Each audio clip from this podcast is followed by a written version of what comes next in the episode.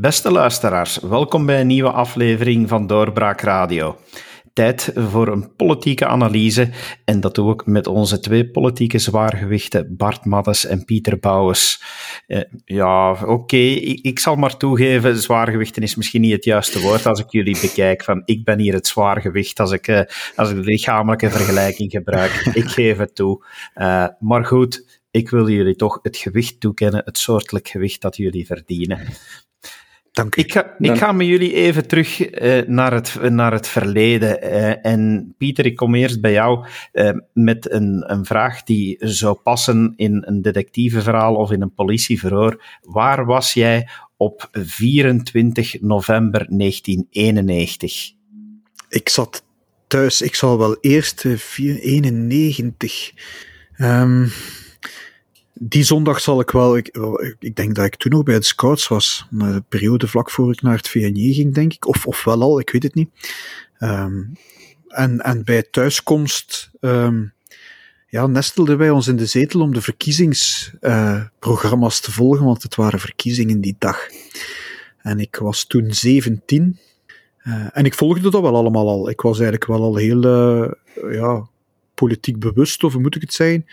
Uh, of toch bezig met politiek te volgen. En ik, ik herinner mij die avond als een avond, uh, ja, zo'n een, een, een, avond waarin je denkt als, als jonge gast van hier, hier gebeurt iets speciaal. En ik herinner mij ook nog dat wij daar op de speelplaats de volgende dag over spraken. Er waren nog wel. Ik, ik, ik was zo'n typische uh, die, die vol met, met stickers van de Vlaamse Volksbeweging en zo op zijn boektas naar school ging. Er gingen zo wat Vlaamse leeuwen op en, en, en, en de Vlaamse rand en stickers van takken en zo, dat hing daar allemaal op. Um, en er waren zo nog wel wat uh, gelijkgestemde zielen. En, en ja, er was een bepaalde atmosfeer, zo, zo hier, gebeurt iets, we, we, hebben iets meegemaakt. Um, en een bijzondere sfeer, want ja, er, wordt veel gesproken over Vlaams Belang natuurlijk, maar maar je mag ook niet vergeten dat Rossem, een bijna vergeten partij, ook drie, drie zetels haalde die, die zondag. En, en ja, de, de, de, de politiek werd zo doorheen geschud en, en, en wij, wij beseften dat wel. Ja, de term is niet gevallen, maar ik ga aan jou, Bart, dan de vraag zo stellen. Waar was jij op Zwarte Zondag? um, ja, ik was bij mijn ouders thuis. Um, ik was toen een, een, een jonge assistent. Hè. Ik denk dat het tweede jaar was dat ik, uh, dat ik werkte aan, aan de KU Leuven, als, als onderzoeker uh, eigenlijk. En dat, dat was ook mijn eerste zeer bescheiden media-optreden naar aanleiding van de verkiezingen. Um, want het was Jurgen Oosterwaal, hè, die, die was toen uh, journalist bij De Morgen. En ik had die ook nog eventjes gekend, omdat hij ook voor mij nog uh, assistent geweest was uh, op het departement politieke wetenschappen aan de KU Leuven. Um, ja, die, die had mij opgebeld uh, om, om naar een reactie te vragen. Um, en ja, ik, ik, ik was zodanig verrast door die, door die uitslag dat ik er denk ik niet zo heel veel van, van gebakken heb. Um, ik zou eens moeten terugkijken in, in de morgen van, van 25 november 1991. Um, maar ik bekeek dat toen vooral ja, door een, door een volksuniebril. En in 1991 was de grote angst van de Volksunie uh, dat Agalef toen groter zou worden. Dat de Volksunie eigenlijk de vijfde grootste partij zou worden, dat Agalef naar de vierde plaats uh, zou springen. Dat was de grote angst van de, van de Volksunie. En, en ik herinner mij nog ook uh, tegen Jurgen Oosterwaal dat dat mijn eerste reactie was, een beetje zo eigenlijk domweg, van ja, de Volksunie blijft toch groter dan Agalef. Uh, maar dat had ik niet door, dat eigenlijk het Vlaams blok groter geworden was dan de Volksunie. Hè. Dat, dat met 10,3 procent. En, en, en de mhm. Volksunie, uh, dat, dat was toen 9,3.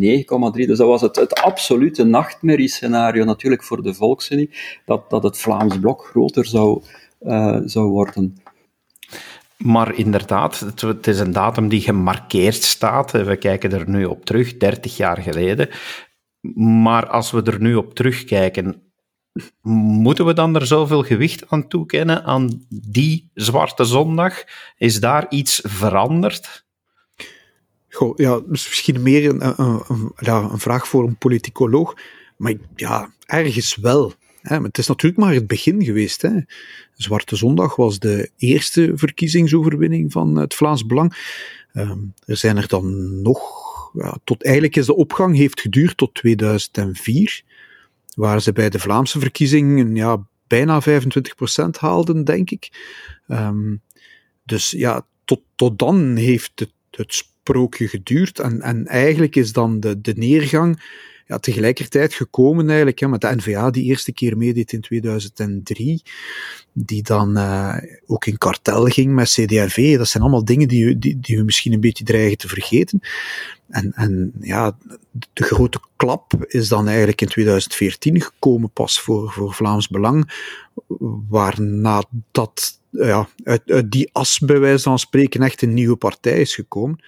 Um, maar dat is toch, ja, eigenlijk zijn dat twee heel belangrijke punten, denk ik. Hè, dus die opgang van, van Vlaams Belang, uh, die toch wel verstorend is geweest voor het politieke evenwicht dat er toen was, maar dat is op een zijspoor gezet door dat uh, cordon sanitair.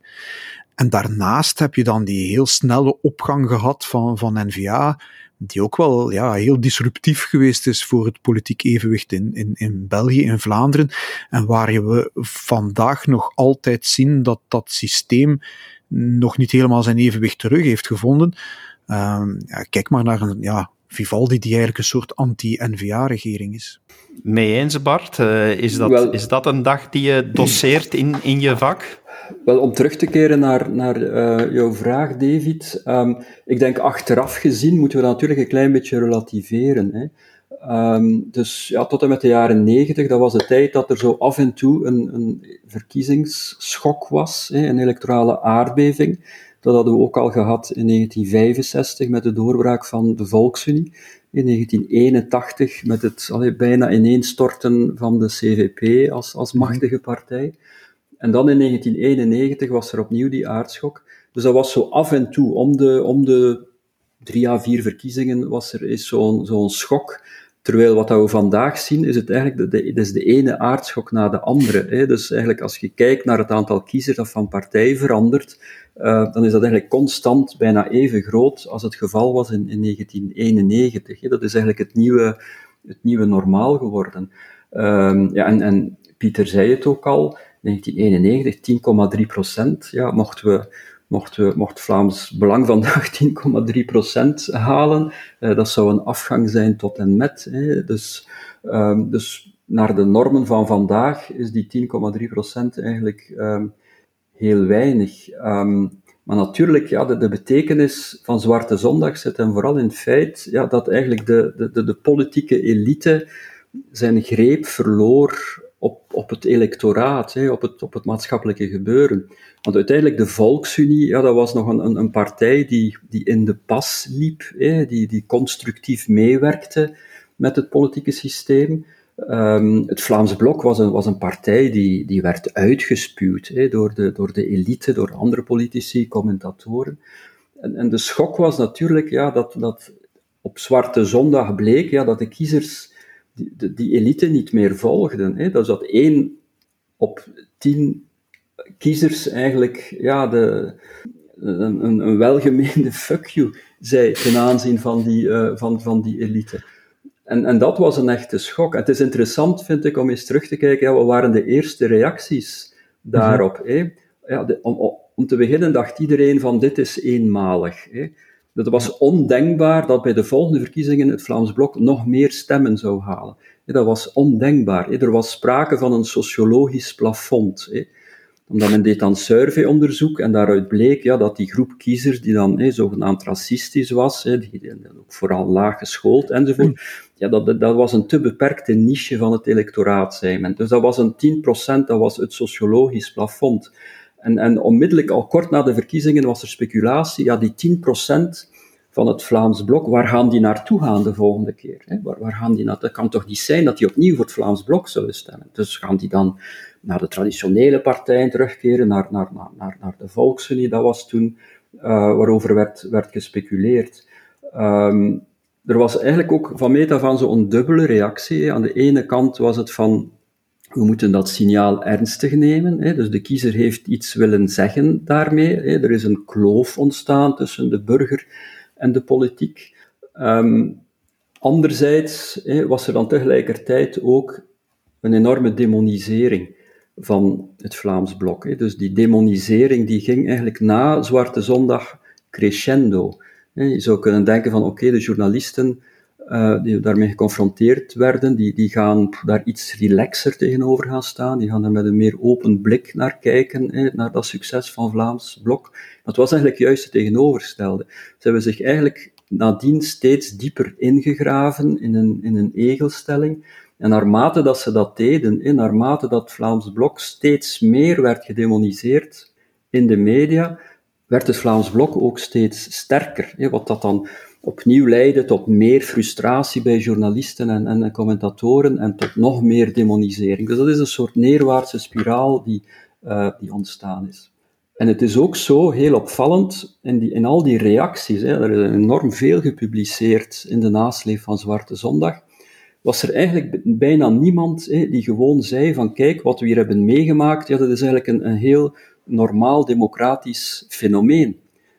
Dat is het Vlaams Blok neemt bepaalde standpunten in en er zijn een aantal kiezers die het daarmee eens zijn en die stemmen daarop, daarom voor Vlaams Blok. Hè. Dus de kiezers drukken eigenlijk hun steun uit voor het programma van het Vlaams Blok. Wat dat eigenlijk in een democratie perfect normaal is. Hè. Dat was ook de slogan van het Vlaams Blok in die tijd. Hè. Wij zeggen wat u denkt.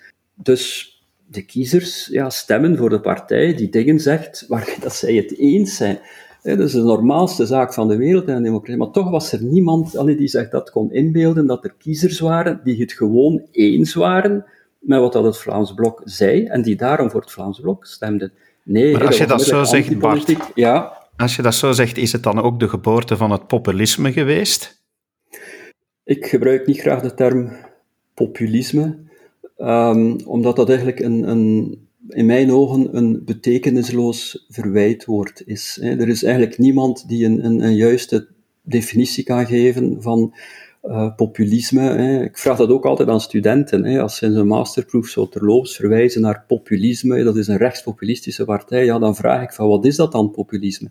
Dan zeggen ze, is Tom van Grieken een populist? Oh ja, zeker, zeker. Um, is Conor Rousseau een populist? Oh nee, dat is geen populist. En Bart de Wever, ja, dat weten ze dan meestal niet zo goed. Um, dus een klein zijsprongetje om, om te zeggen dat ik het eigenlijk niet eens ben met de manier waarop je dat um, verwoordt. Maar natuurlijk, ja, het, het, het is natuurlijk een, een antisysteempartij. Het, het, Vlaams Blok, het is een, een, een, partij die eigenlijk het systeem als dusdanig um, ter discussie stelt. Nu ja, bedoel, dat antisysteemdenken heb je natuurlijk ook gehad in het interbellum. Hè, eerst bij de Frontpartij, daarna bij, bij het VNV, bij, bij RIX. Um, maar eigenlijk ook bij de Volksunie in, de, in, in de beginjaren. De Volksunie was aanvankelijk ook een, een, een staatsgevaarlijke systeempartij maar is dan natuurlijk geleidelijk aan ja, meer salonfähig uh, geworden, ook omdat de ideeën van de volkslied, dus federalisme, wat eerst staatsgevaarlijk is, is geleidelijk aan mainstream geworden. Pieter, als je dan nu, jij als hoofdredacteur, als jij nu terugkijkt ook op een, een andere geboorte van toen, met name het cordon sanitair, mhm. denk je, als je dat nu naar terugkijkt, en het is altijd eh, makkelijk om terug in de geschiedenis te kijken, maar denk je dat dat, eh, dat dat een logische beslissing was op dat moment? En als je nu terugkijkt, zeg je dan, hadden ze dat maar anders gedaan? Goh, hadden ze dat maar anders gedaan er zit een bepaalde logica in natuurlijk. Uh, zeker ook als je het schema volgt van, uh, van Bart, um, waar je ziet dat de elite natuurlijk van alles doet om, of de gevestigde partijen uh, van alles doet om, um, om toch die, die controle over dat systeem te houden. En dat je dan zegt, die nieuwe, ja, daar doen wij geen zaken mee.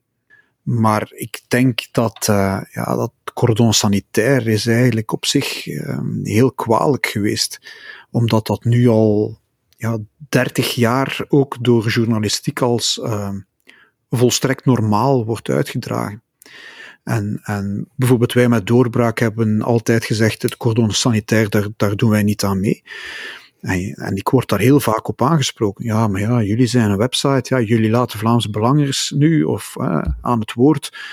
Uh, alsof het gewone politici zijn. Dus en, en dat, dat, ja, daar wordt niet meer over nagedacht. Dat, dat, dat vindt men een, een stap te ver. En, en je hoort dat ook in het discours van, van, van gewone mensen die, die eigenlijk niet direct vreselijk politiek volgen. Um, die dan zeggen, ja, ja, maar ja, Vlaams Belang, ja, maar dat is dan toch een stap te ver. En, en het is net dat dat interessant is, want net dat denken is de laatste jaren afgekalfd. Op het moment dat men dacht dat het Vlaams Belang uh, op sterven na dood was, hè, ze hadden nog drie zetels in 2014 en iedereen dacht, ja, het is voorbij. En plots stonden ze daar opnieuw um, in 2019. En plots zag je, wat je vroeger nooit zag, dat, dat mensen um, boodschappen van Vlaams Belang op sociale media open deelden. En zich eigenlijk van heel dat maatschappelijk cordon sanitair, dat, dat er toch eigenlijk echt wel ingesleten was, dat een, een nieuwe generatie of, of een, een nieuwe groep mensen daar eigenlijk helemaal geen boodschap meer aan had. Uh, en dat vind ik op zich wel een interessante evolutie. Uh, want ik vraag me ook af, hoe komt dat? Is de partij veranderd? Is de samenleving veranderd? Is de politiek veranderd? Ergens is daar, daar iets veranderd waardoor dat diep ingesleten cordon sanitair uh, is afgekalfd. En, en ja, dat is wel een heel interessante evolutie om te volgen, vind ik persoonlijk. Want ja, um, ik, ik, moet de professor uh, volgen eigenlijk. Ik, ik, ik ken dat dat hele discours van, eh, wij maakten ons er vroeger vrolijk over, als er nog maar eens een, eh, een, een onderzoek kwam naar het sociaal plafond uh, van het Vlaams Belang. En het grappige is dat die onderzoeken maar blijven gevoerd worden, ook naar het sociaal plafond. Waar, waar, ligt het kiezersplafond van NVA? Waar, waar ligt dat van, van PVDA? die onderzoeken blijven maar komen. maar eigenlijk is het enige echt volgens mij het disruptieve dat nog in de politiek en de Belgische politiek nu kan gebeuren. er kunnen nog wel andere dingen gebeuren ook natuurlijk. Maar is dat cordon sanitaire? Dat politiek toch nog altijd overeind gebleven is. Uh, Vlaams Belang zit in geen enkele uh, bestuursmandaat, niet federaal, uh, niet Vlaams, niet in de provincies, niet in gemeenten.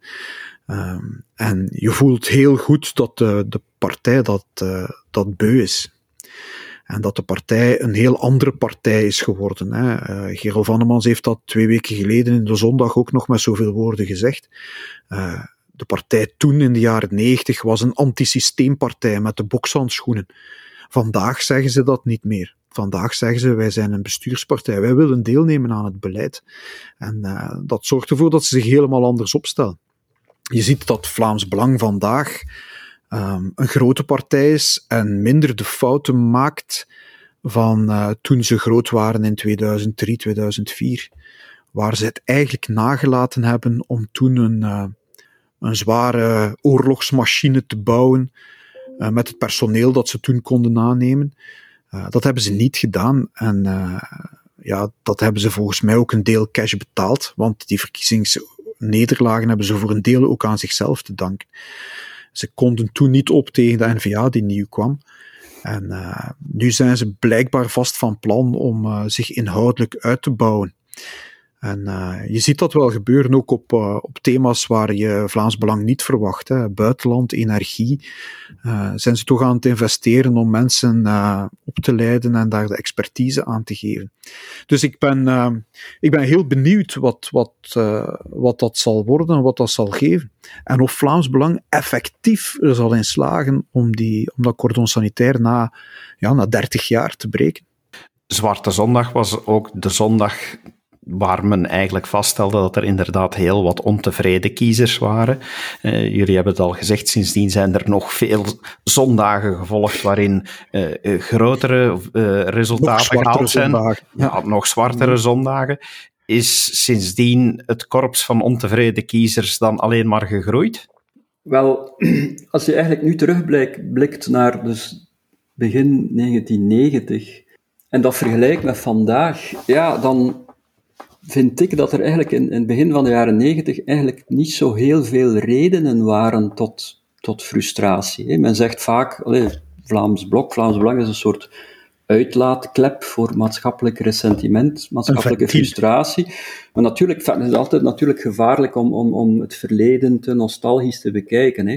Maar al bij al, begin van de jaren negentig, dat, dat was eigenlijk een, een, een een redelijk aangename tijd. Het was niet speciaal, er was geen diepe economische crisis. Hè. Ehm, het migrantenprobleem bestond al, maar heel lokaal. Hè. Ik herinner mij migrantenrellen in Curegem. Um, ook was het in Lint op een bepaald moment, een rel rond een, een vluchteling, een asielcentrum. Um, Borgerhout, dus dat bestond al, maar dat was eigenlijk heel, heel lokaal. De, de, de, de, het overgrote deel van de, van de Vlamingen had daar eigenlijk niet mee te maken. Um, maar als je dat dan vergelijkt met vandaag, ja, hoeveel meer problemen zijn er eigenlijk vandaag niet? Hè? We hebben heel de vluchtelingencrisis gehad van, van 2015, de, radicalisering van de islam, hè, het, het, het, terrorisme. Um, in, de, in, in de nasleep van, uh, van um, de, de aanslagen in New York, 9-11. Uh, eh, dan heb je de hele klimaatproblematiek. Hè, daar hebben we het de vorige keer al over gehad. Hè, die er eigenlijk toe leidt dat de overheid ja, steeds dieper binnendringt in het privéleven van de mensen, hè, met alle frustratie tot gevolg. Je hebt het hele woke-gedoe, dat er in de jaren 90 ook nog niet was. Hè. Dat is ook een, een nieuw fenomeen dat heel veel kwaad bloed zet uh, bij de mensen. En nu hebben we nog eens de coronacrisis uh, daarbij. Um, dus ja, als, als, de als het Vlaamse Belang geen domme dingen doet en, en, het een klein beetje verstandig speelt, ja, dan, dan kan het niet anders of breken gouden tijden aan voor die partij. Hè. En, en ik zie het inderdaad wel gebeuren in 2024, dat, dat de partij het cordon breekt, gewoon door in een aantal gemeenten een absolute meerderheid te halen. Ik sluit dat, ik sluit dat zeker niet uit. Eigenlijk het, het, grote um, ja, het, strategische voordeel van het Vlaams Belang is dat die partij eigenlijk een, een heel, breed, um, een heel brede waaier van thema's kan bespelen. Dus het repertorium van het Vlaams Belang qua thema's is eigenlijk heel breed omdat ook nog eens het, het sociale komt daar ook bij. Dat is ook het, een thema waar Vlaams Belang sinds 2019 zwaar op inzet. Um, terwijl de andere systeempartij, PVDA, PTB, die ook wel een deel van, van die frustratie zal kunnen capteren, die heeft natuurlijk een veel beperkter um, repertorium. Dat, is, dat blijft heel sterk beperkt tot het sociaal-economische, um, terwijl de andere zaken waar uh, PVDA dan mee uitpakt, bijvoorbeeld dat, dat nogal extreme Belgicisme, ja, je voelt wel dat dat veel minder resoneert bij, de, bij de kiezer. Ik heb, ik heb het eens bekeken. Uh, het is een Belga die ook uh, terugvond, uh, 30 jaar geleden. Um, waar, waar het Vlaams Belang, of het Vlaams Blok toen mee, mee naar voren kwam. Vijf thema's brachten ze toen naar voren. Vlaamse onafhankelijkheid, hè, het veel besproken terugstuurbeleid van niet-Europese vreemdelingen, een harde aanpak van criminaliteit, aanpak van corruptie bij de politieke maffia en het gezin als hoeksteen van de maatschappij.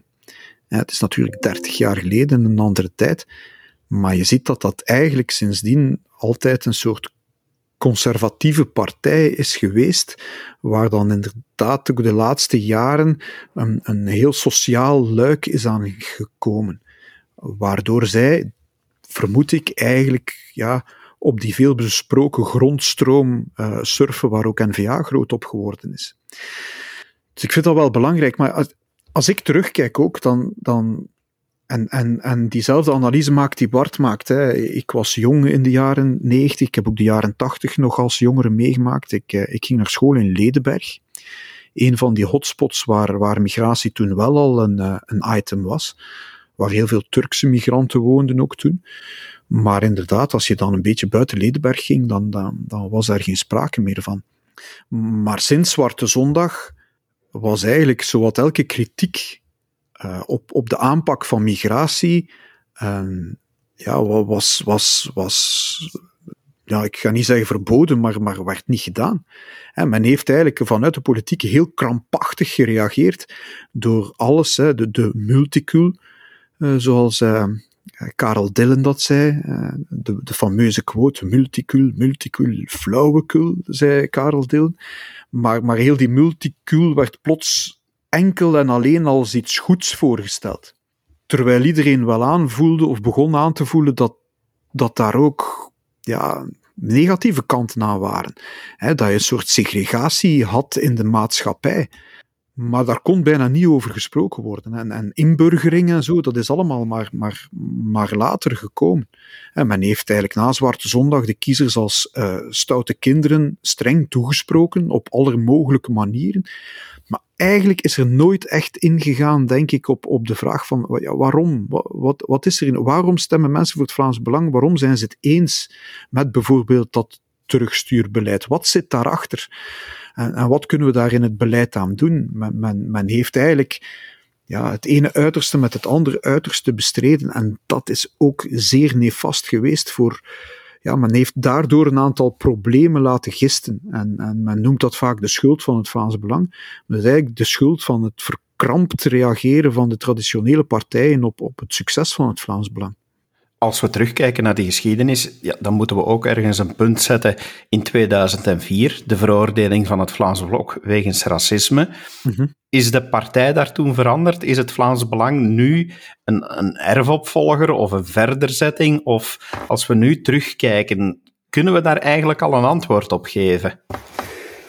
Wel, ik heb in 2004 dacht ik dat het, het toen Vlaams Belang, de, her, de herdoopte partij, Vlaams Blok, die tot Vlaams Belang werd omgevormd, ja, dat, dat die partij zich zou herpakken of, of heruitvinden, beter gezegd, en, en eigenlijk de NVA zou worden. Hè? Dus eigenlijk een soort mhm. centrumrechtse, conservatieve uh, partij die, die, die, die wel ja, tot, de, tot de mainstream uh, behoorde.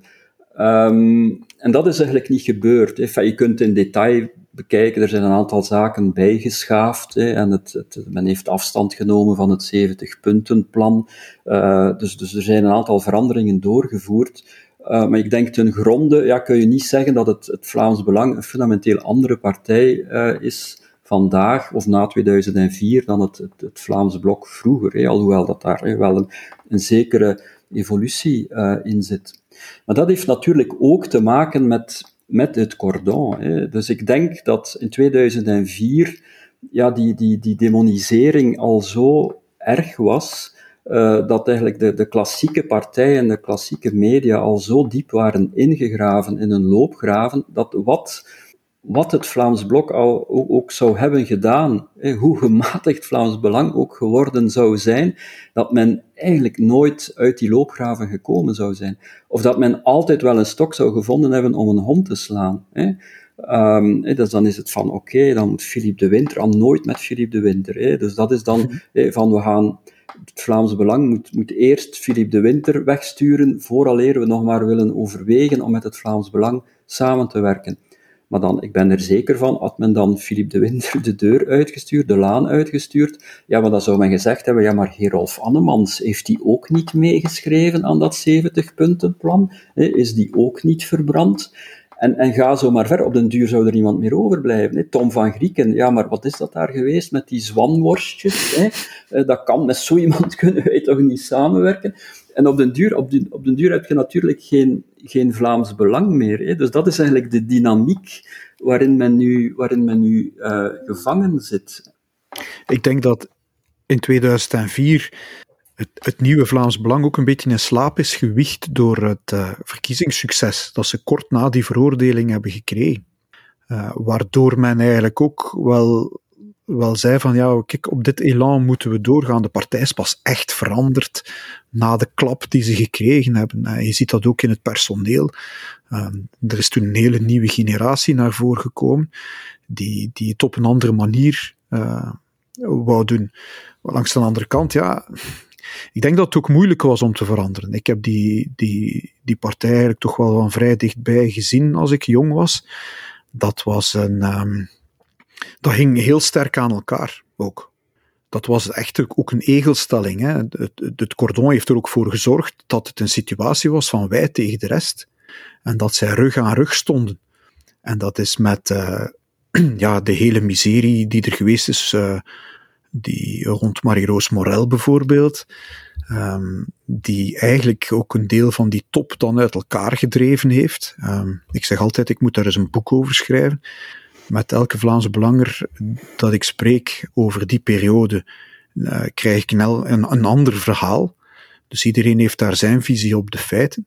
Maar je ziet dat daar toen wel brokken gemaakt zijn die nooit meer gelijmd geweest zijn.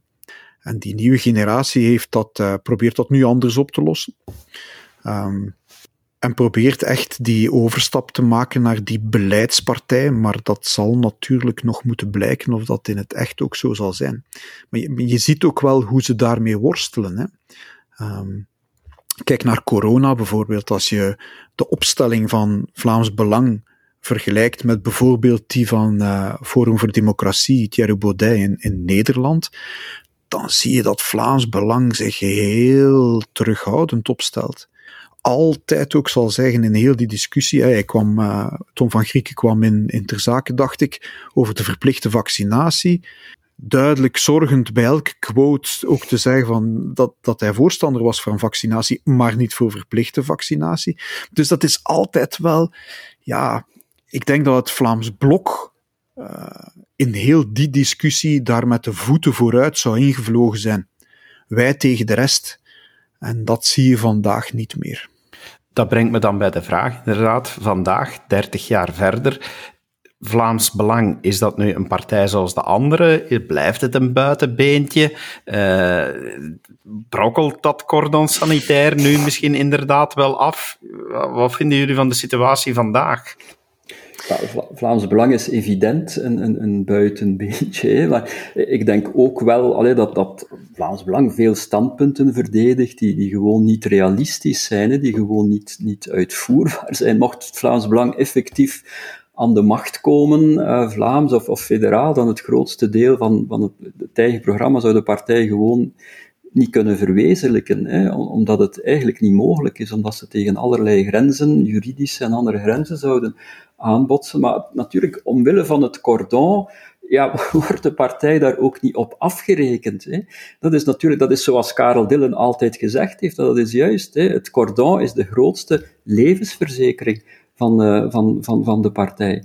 Um, en het feit dat, dat men dan zegt van de andere partijen, van ja, dat is niet realistisch, uh, dat, is, dat is wettelijk niet mogelijk, of je houdt geen rekening met dit verdrag en dat verdrag, maar wat, dat, dat interesseert de kiezer eigenlijk niet. Hè. Ik bedoel, de kiezer die, die, die weet, ja, door het Vlaams, voor Vlaams Belang te stemmen, ja, dat hij een heel duidelijk signaal kan geven, hè, dat hij niets moet weten van, van dat, uh, van dat wookgedoe, dat hij zich eigenlijk steeds meer vervreemd voelt um, in, in, in zijn eigen land. Hè. En als men de andere partijen pijn wil doen, als men de traditionele partijen echt pijn wil doen, ja, dan, dan, dan, dan stemt men voor het Vlaams Belang. En dat is de dynamiek die daar, die daar speelt. En, en dat dan, wat dat dan eigenlijk die kleine lettertjes zijn van het Vlaams Belang-programma, en of dat dat nu zo realistisch is, eigenlijk is dat van, van ondergeschikt belang. Eigenlijk is de vraag, David, in hoeverre zou een, een, bijvoorbeeld een Vlaamse regering met N-VA het verschil kunnen maken?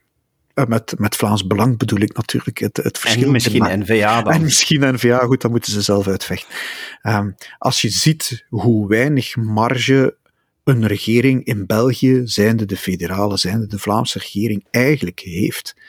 Dus dat Willem deelnemen aan de macht als politieke partij begrijp ik dat wel, maar ik denk dat, de, allez, goed, ik heb daar met Vlaams Belangers ook al over gesproken, dat zij dat zelf ook wel heel goed beseffen. Hè? Dat dat natuurlijk een open valkuil is die daar voor hen staat. En dat is eigenlijk ook als je goed luistert naar het discours van Bart de Wever, ook exact Bart de Wever zijn bedoeling, hen, hen dat Belgische moeras inloodsen in de hoop dat ze daar voor een deel verdrinken. En laat ons eerlijk zijn, die kans is groot, want, want ja, België is, zodanig gestold dat ook als Vlaamse regering je eigenlijk heel moeilijk het verschil kan maken. Dus eerlijk, ik zou het wel eens willen zien. Ik zou wel eens willen zien waar het Vlaams Belang dan echt dat verschil zou kunnen maken. Ik zie dat het geloof bij veel Vlaams Belang is dat dat kan, dat dat, dat er nog altijd is. Maar realistisch gezien, ik weet het niet. Ja, ik vrees ervoor. Maar is het niet Bart de Wever die daar de sleutel voor in handen heeft? Ja, maar je ziet dat de grote kracht van verandering van NVA er toch ook niet echt gekomen is. Hè? Eh, je wordt dan door heel het systeem meegetrokken in, in... N-VA is ook in bad getrokken en Ja, is ook maar een dan bedoel ik, heeft- geworden. Heeft Bart de Wever niet de sleutel in handen om Vlaams Belang mee in het bad te trekken? Ja, maar als, als, er, een, als er een Vlaam nationale meerderheid komt, natuurlijk. Hè, en, eh, bedoel, ik, ik, ik zou daar toch ook niet te veel geld op. Ik denk niet dat het uitgesloten is, maar ik zou daar niet te veel geld eh, op inzetten. Ehm, dus die meerderheid moet er eerst zijn. Ik, ik geloof nooit dat een, een andere partij in zee zal willen gaan met, met Vlaams Belang. Dat is voor mij, volgens mij uitgesloten. Trouwens, dat is ook bewezen in 2019. Eh, dus N-VA, Vlaams Belang. En dan denk ik wel dat communautair gezien dat wel een verschil zou kunnen maken. Hè, want uiteindelijk institutioneel allee, beschikt de, Vlaamse regering toch over heel veel instrumenten om druk te zetten eh, op, het, op het federale niveau. Het zou ook een enorm schok-effect zijn ten aanzien van de Franstaligen. Hè, moest er een, een, een Vlaams nationale regering komen uh, Vlaams nationale meerderheid in, in, in, in Vlaanderen. Dus ik denk dat je dat wel niet mag, niet mag onderschatten, wat, wat de impact daarvan um, zou kunnen zijn. Hè. Een, een, een Vlaamse regering die echt een Vlaams nationaal beleid voert op tal van vlakken, hè, op vlak van cultuur, op vlak van identiteitspolitiek, hè, op vlak van taalbeleid in de rand, um, enzovoort. Maar één, die meerderheid moet er, moet er mathematisch zijn. Uh, en twee, ja, er moet een soort constellatie ontstaan, uh, waardoor dat mogelijk wordt dat de NVA die stap zet, hè, waardoor dat ook ja, de, de vele tegenstanders binnen de NVA daarvan in een soort mindset komen, uh, ja, dat ze dan toch bereid zijn om, om eigenlijk die stap te zetten. En, en dat zijn heel veel alsen op een rijtje natuurlijk. Lokaal, denk ik, zit de situatie wel anders door, het, door het nieuwe decreet dat het lokaal bestuur uh, organiseert, zie je dat er heel veel her hergroeperingen gaan zijn. En dat men op links kartels gaat vormen, op rechts kartels gaat vormen. En het zou wel eens goed kunnen dat je op verschillende plaatsen uh, uh, lokaal drie partijen krijgt. Een soort rechtskartel, een links of ergens een, een, een lijst van de burgemeester, een tegenlijst. En dan ja, Vlaams Belang die nergens aan een kartel mag meedoen. En daardoor misschien ook wel op de wip kan zitten. En, en zeker als je dan een burgemeester hebt die geen, uh, die geen nationaal mandaat nastreeft of weinig, weinig voeling heeft met de nationale partij en op zijn eigen lijst uitkomt, die dan uh, eieren voor zijn geld kiest. Mm -hmm. Dus dat, dat zit er misschien wel in, maar ik denk dat ze. Ja, de vraag is, wat zal er in Ninove gebeuren bijvoorbeeld? Dat, dat, dat zal alweer, ik denk dat daar heel veel aandacht zal zijn op de lokale verkiezingen. En dan nog heel veel meer, als het gebeurt dat ze daar een burgemeester kunnen leveren, zullen ze zich wel bewust moeten zijn dat daar met een vergrootglas zal naar gekeken worden. En dan vandaag is Vlaams Belang nog steeds de partij bij uitstek voor de ontevredenen, want ontevredenheid genoeg. Hè? Dat hebben we zelfs zondag eigenlijk nog gezien, dat er, dat er voldoende ontevredenen zijn. Ja, waaronder ja. ik zelf. Ik zeggen, Bart was er, ik kan dat, uh, ik kan dat best zelf... Uh... Ja, um... Wel, maar ja, dat, geen, dat... dat, was geen Vlaams belangbetoging, hè Bart? Nee, absoluut niet. En er waren eigenlijk ook niet zo heel veel leeuwvlaggen. Er waren een paar leeuwvlaggen, ook een paar Belgische vlaggen, maar, maar eigenlijk niet zo, niet zo heel veel. Dus dat domineerde zeker de, de manifestatie niet. Maar ik zie daar wel een lijn, alleen vanaf Zwarte Zondag tot eigenlijk de vorige zondag. Ik weet niet hoe ze, welke kleur dat hij dan had. Um, maar eigenlijk, allee, Zwarte Zondag was een belangrijke datum, omdat dat eigenlijk aantoonde dat de macht van de media aan het tanen was. Vergeet niet, tot en met de jaren tachtig hadden de kranten, de media eigenlijk nog heel veel macht. De hoofdredacteuren, daar werd naar geluisterd. Dat was elke politieke dag begon met het persoverzicht en wat zeggen de hoofdredacteuren? Wat zegt Manu Ruijs? Wat zegt Jan Veestraten? Wat zegt Hugo Kamps? Dat was echt heel belangrijk. En ja, en in 1991 zag je van, kijk, ja, die, die hoofdredacteuren, die zo hebben gewaarschuwd tegen dat Vlaams blok, die worden eigenlijk niet meer gevolgd door een groot deel van de publieke opinie. Um, en dat proces is eigenlijk altijd maar verder gegaan. En ik vind ja, dat de betoging van zondag ergens kan gezien worden als een culminatiepunt van dat proces. Want wat hebben we zondag gezien? Dus die manifestatie, die werd letterlijk doodgezwegen door de, door de media. Er stond letterlijk niets over die manifestatie. Dus er zijn nogthans persmededelingen geweest, waar dat al werd aangekondigd. Maar wat doen de, de redacties? Dat, ze doen eigenlijk hetzelfde als wat dat ik mij kan voorstellen van media in China, krantenredacties, tv-redacties in China. Er komt een persmededeling binnen dat er een groepje dissidenten zal manifesteren. Ja, wat doet de redactie? Dat vliegt in de vuilbak. Of ze spelen het door naar de staatsveiligheid misschien. Maar het komt zeker niet in de krant. Geen enkele redactie in China zou zoiets in de krant publiceren. En dat is net hetzelfde wat hier gebeurd is met de, met de manifestatie van zondag. Het werd letterlijk doodgezwegen.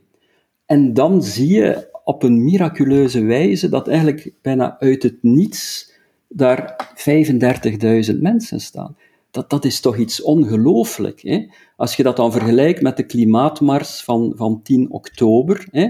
dat werd gehyped in de media tot en met. Dat was weken op voorhand dat er werd gespeculeerd, hè, dat er werd, waren vooruitblikken, interviews met Anuna de Wever, uh, er waren treinen. Eh, eh, gratis treinen van NWS, gratis metro. Dus het hele regime heeft eigenlijk gemobiliseerd, hè, politieke elite, media. Hoeveel deelnemers waren er? 25.000. En dan vorige zondag een manifestatie die totaal werd doodgezwegen door het regime, 35.000. Wel, ik moet zeggen, allee, ik, ik, dat was voor mij echt een, een aha-erlevenis. Um, ik lees daarover, over de macht van de, van de sociale media, maar ik ben een, allee, een traditionele mediamens. Ik, ik, ik heb daar weinig voeling mee met die, met die sociale media. Maar nu ben ik eigenlijk, ja, voor het eerst heb ik aan de lijve ondervinden wat eigenlijk de immense macht is van die, van die sociale media. Hè, om daar uit het niets 35.000 mensen te mobiliseren. Dat is toch echt ongelooflijk. En dat bewijst toch dat, uh, ja, dat de, de, de, de, de media, de klassieke media, eigenlijk amper nog macht hebben. Hè? Dus er is een groot deel van de maatschappij waar die media, dat eigenlijk bestaat naast de media, boven de media, waar de media geen enkele greep uh, meer um, op hebben. Um, en in die zin ja, vind ik dat zo een culminatie van een evolutie die eigenlijk al, al begonnen is sinds, sinds Zwarte Zondag. Ja, er wordt nu constant gezegd de media. Ik zit hier met een hoofdredacteur. Aangesproken? Ja, voor een deel wel. Uh, ik, uh, ik heb mij vrolijk zitten maken gisteren en vandaag uh, over, ja, je, ziet eigenlijk als je bladert door die pers hoe die in snelheid gepakt is. Um, Blijkbaar zou de standaard ook maar op, op zondagmorgen beslist hebben om iemand te sturen. Um, ja, je voelt dat die, dat, dat die redacties er ook van uitgingen van uh, ja, wat, een Varans tweet. Hè. Um, dat zijn de mannen van viruswaanzin, schuld en vrienden en Vlaams Belang. Hè, met andere woorden, een nest uh, rechtsextremisten, populisten en, en heel het blik wordt weer opengetrokken eigenlijk krijg je dezelfde reactie als, als, als op Zwarte Zondag. Hè. De, de, de betogers worden streng toegesproken. Het blijkt allemaal om een minderheid te gaan. Dus de bezweringsformules komen weer boven. Het is allemaal zo erg niet. Dat is echt een minderheid. En, en, en de, de redacties sluiten zich, en de politici sluiten zich op in een grote gelijk. Maar ik, ja, goed. Uh, het was een beetje onduidelijk op voorhand uh, wie nu woordvoerder was en dergelijke meer. Um, maar ook wij hebben daar misschien wat te weinig aandacht aan gegeven, alhoewel dat je, denk ik, doorbraak niet mag verwijten niet kritisch genoeg te zijn naar het coronabeleid. Uh, dat proberen wij in ieder geval wel te zijn. Um, en we hebben er vandaag toch, toch, toch wat uh, aandacht voor gegeven, maar ik geef eerlijk toe um, dat ook ik niet ingeschat had uh, dat er inderdaad 35.000 man zou zijn. Ja. Ja, ik ook niet. Ik, ik, ik heb geaarzeld om te, om te gaan. Ik was bang mm -hmm. dat ik daar tussen een paar honderd weirdo's uh, zou terechtkomen. Ja, uh, maar als je, als je vandaag nu in die krant leest, Bart, de, de, ja, de, want het is opvallend dat de meeste besprekingen van die betoging niet op maandag, maar op dinsdag verschijnen. Dat dat alleen al bewijst hoe, hoe ze gepakt zijn in snelheid. En, en je leest de radeloosheid van die van die redacties in die stukken. Hè? Ja. Je leest hoe ze niet begrijpen wat er gebeurt. Nee. Hoe ze niet begrijpen dat, hoe, dat, dat het narratief, dat, dat, dat ook zij in de krant blijven, of in de media blijven hooghouden, dat dat niet gevolgd wordt door, door een deel van de mensen. Ja. En, en ik denk ook hier dat, dat er niet geluisterd wordt. Dat, naar, dat, dat mensen vragen eerlijke communicatie van politici. We hebben allemaal gedacht dat die, die vaccins ons terug naar het Rijk van de Vrijheid gingen brengen. Dat is niet zo. Goed, dat kan gebeuren. dat is een risico dat we namen. We hebben het genomen. Maar ik vind niet dat daar heel eerlijk over gecommuniceerd wordt. Hè. Daar wordt heel onvloerst over gesproken. En, en ja, het zijn toch allemaal super vaccins, maar hè, en, en ja, de mensen zijn het beu. De mensen willen voor, voor, voor vol aanzien worden, willen eerlijk toegesproken worden en willen een beleid waar ze kunnen, kunnen van zeggen: oké, dat is allemaal verstandig. En wij worden niet voor een nest debielen gehouden die maar moeten doen wat de meester zegt. Hmm. Nou, zo werkt het vandaag niet meer. En dat is wel hmm. duidelijk geworden. Maar ja, goed. Uh, ook de, ook de politiek wil er niet, maar men gaat proberen om het dood te zwijgen. Hè. De politiek reageert er ook niet echt op, eigenlijk. Hè. Ja. Uh, ik heb iemand rondgestuurd bij ons op de redactie om politieke reacties te sprokkelen. Uh, hij komt van een kale reis thuis. Hè. Ja, maar je ziet inderdaad, allee, daar heb je gelijk in, dat is dezelfde reactie als, als na mhm. Zwarte Zondag 30 jaar geleden. Zo die, die, die dubbelzinnigheid. Aan de ene kant, ja, het is belangrijk, er is een duidelijk signaal gegeven, we moeten er naar luisteren, we moeten die mensen au serieus nemen. Uh, maar aan de andere kant te demoniseren, hè, uitvergroten van die, van die rellen. Hè. Het waren voetbalhooligans, uh, het waren uh, complotdenkers. je ziet dat bijvoorbeeld heel mooi, je moet eens de, de, het laatste nieuws van vandaag bekijken. Hè. Je hebt daar het, het hoofdartikel van Isolde van den Einde waarin dat ze inderdaad eerder zo een beetje omvloerst zegt van oké, we moeten dat nemen, we moeten daar naar luisteren. Maar dan binnenin in het laatste nieuws heb je dan een artikel waar dat een van die groeperingen in, in dat, uh, dat samenwerkingsverband, Samen voor Vrijheid, ja, die, die blijkt ooit eens, allee, uh, de, de, het, het, regime in Syrië te hebben gesteund. Dus dan, men, dat is dan zo weer, de, dat is dan de ontmaskering. Dus dan de maskers vallen af, kijk eens welke extremisten uh, die er mhm. daarachter zitten. En dan is er ergens een meisje die, waar dat er Ocharme een rookbom uh, binnengegooid is in haar kamer en die daardoor getraumatiseerd is. Dat, dat wordt dan ook enorm, uh, enorm uitvergroot. Maar tegelijkertijd, we moeten het wel, wel serieus nemen. Maar het is natuurlijk ook zo, ja, ik, als je natuurlijk de standpunten die daar werden verdedigd, ik heb het vandaag ook geschreven op, eh, op Doorbraak, dat was heel, heel divers. Um, maar er was wel één gemeen, eh, grote gemene deler, en dat was een enorm wantrouwen uh, ten opzichte van de media. Hè. Dus, dus dat werd door, door iedereen gedeeld. Ik heb zelfs een, een pamflet in mijn handen gekregen van dus gezondheidsadviezen, ergens van een of andere ver, uh, een, van een vereniging van kritische dokters, waar dat je moet veel wandelen enzovoort, goed gezond eten en maximum twee minuten per dag naar de media luisteren. dus dat was een van de gezondheidsadviezen. Um, dus die, dat wantrouwen van die media, dat was echt um, ja, overheersend. Wel, ik denk dat we kunnen afsluiten met een gezondheidstip, uh, een gezondheidstip voor onze luisteraar. Uh, luister elke dag naar deze podcast uh, en hou het daarbij. Dat is, dat is voldoende van over, overdaadschade. Wij, wij, ge wij, geven elke dag een, een dosis doorbraak op de e-mail. Hè? Een dagelijkse dosis doorbraak. Niet bij doktersvoorschrift, maar toch sterk aan te raden. Zeker, dat, dat moeten de mensen onthouden. Dankjewel Bart, dankjewel Pieter om uh, terug te blikken op de 30 jaar na Zwarte Zondag en om even ook te kijken naar wat er uh, afgelopen zondag gebeurd is. Uh, graag tot de volgende keer en u ook beste luisteraar, graag tot de volgende. Dag. Dit was een episode van Doorbraak Radio, de podcast van doorbraak.be.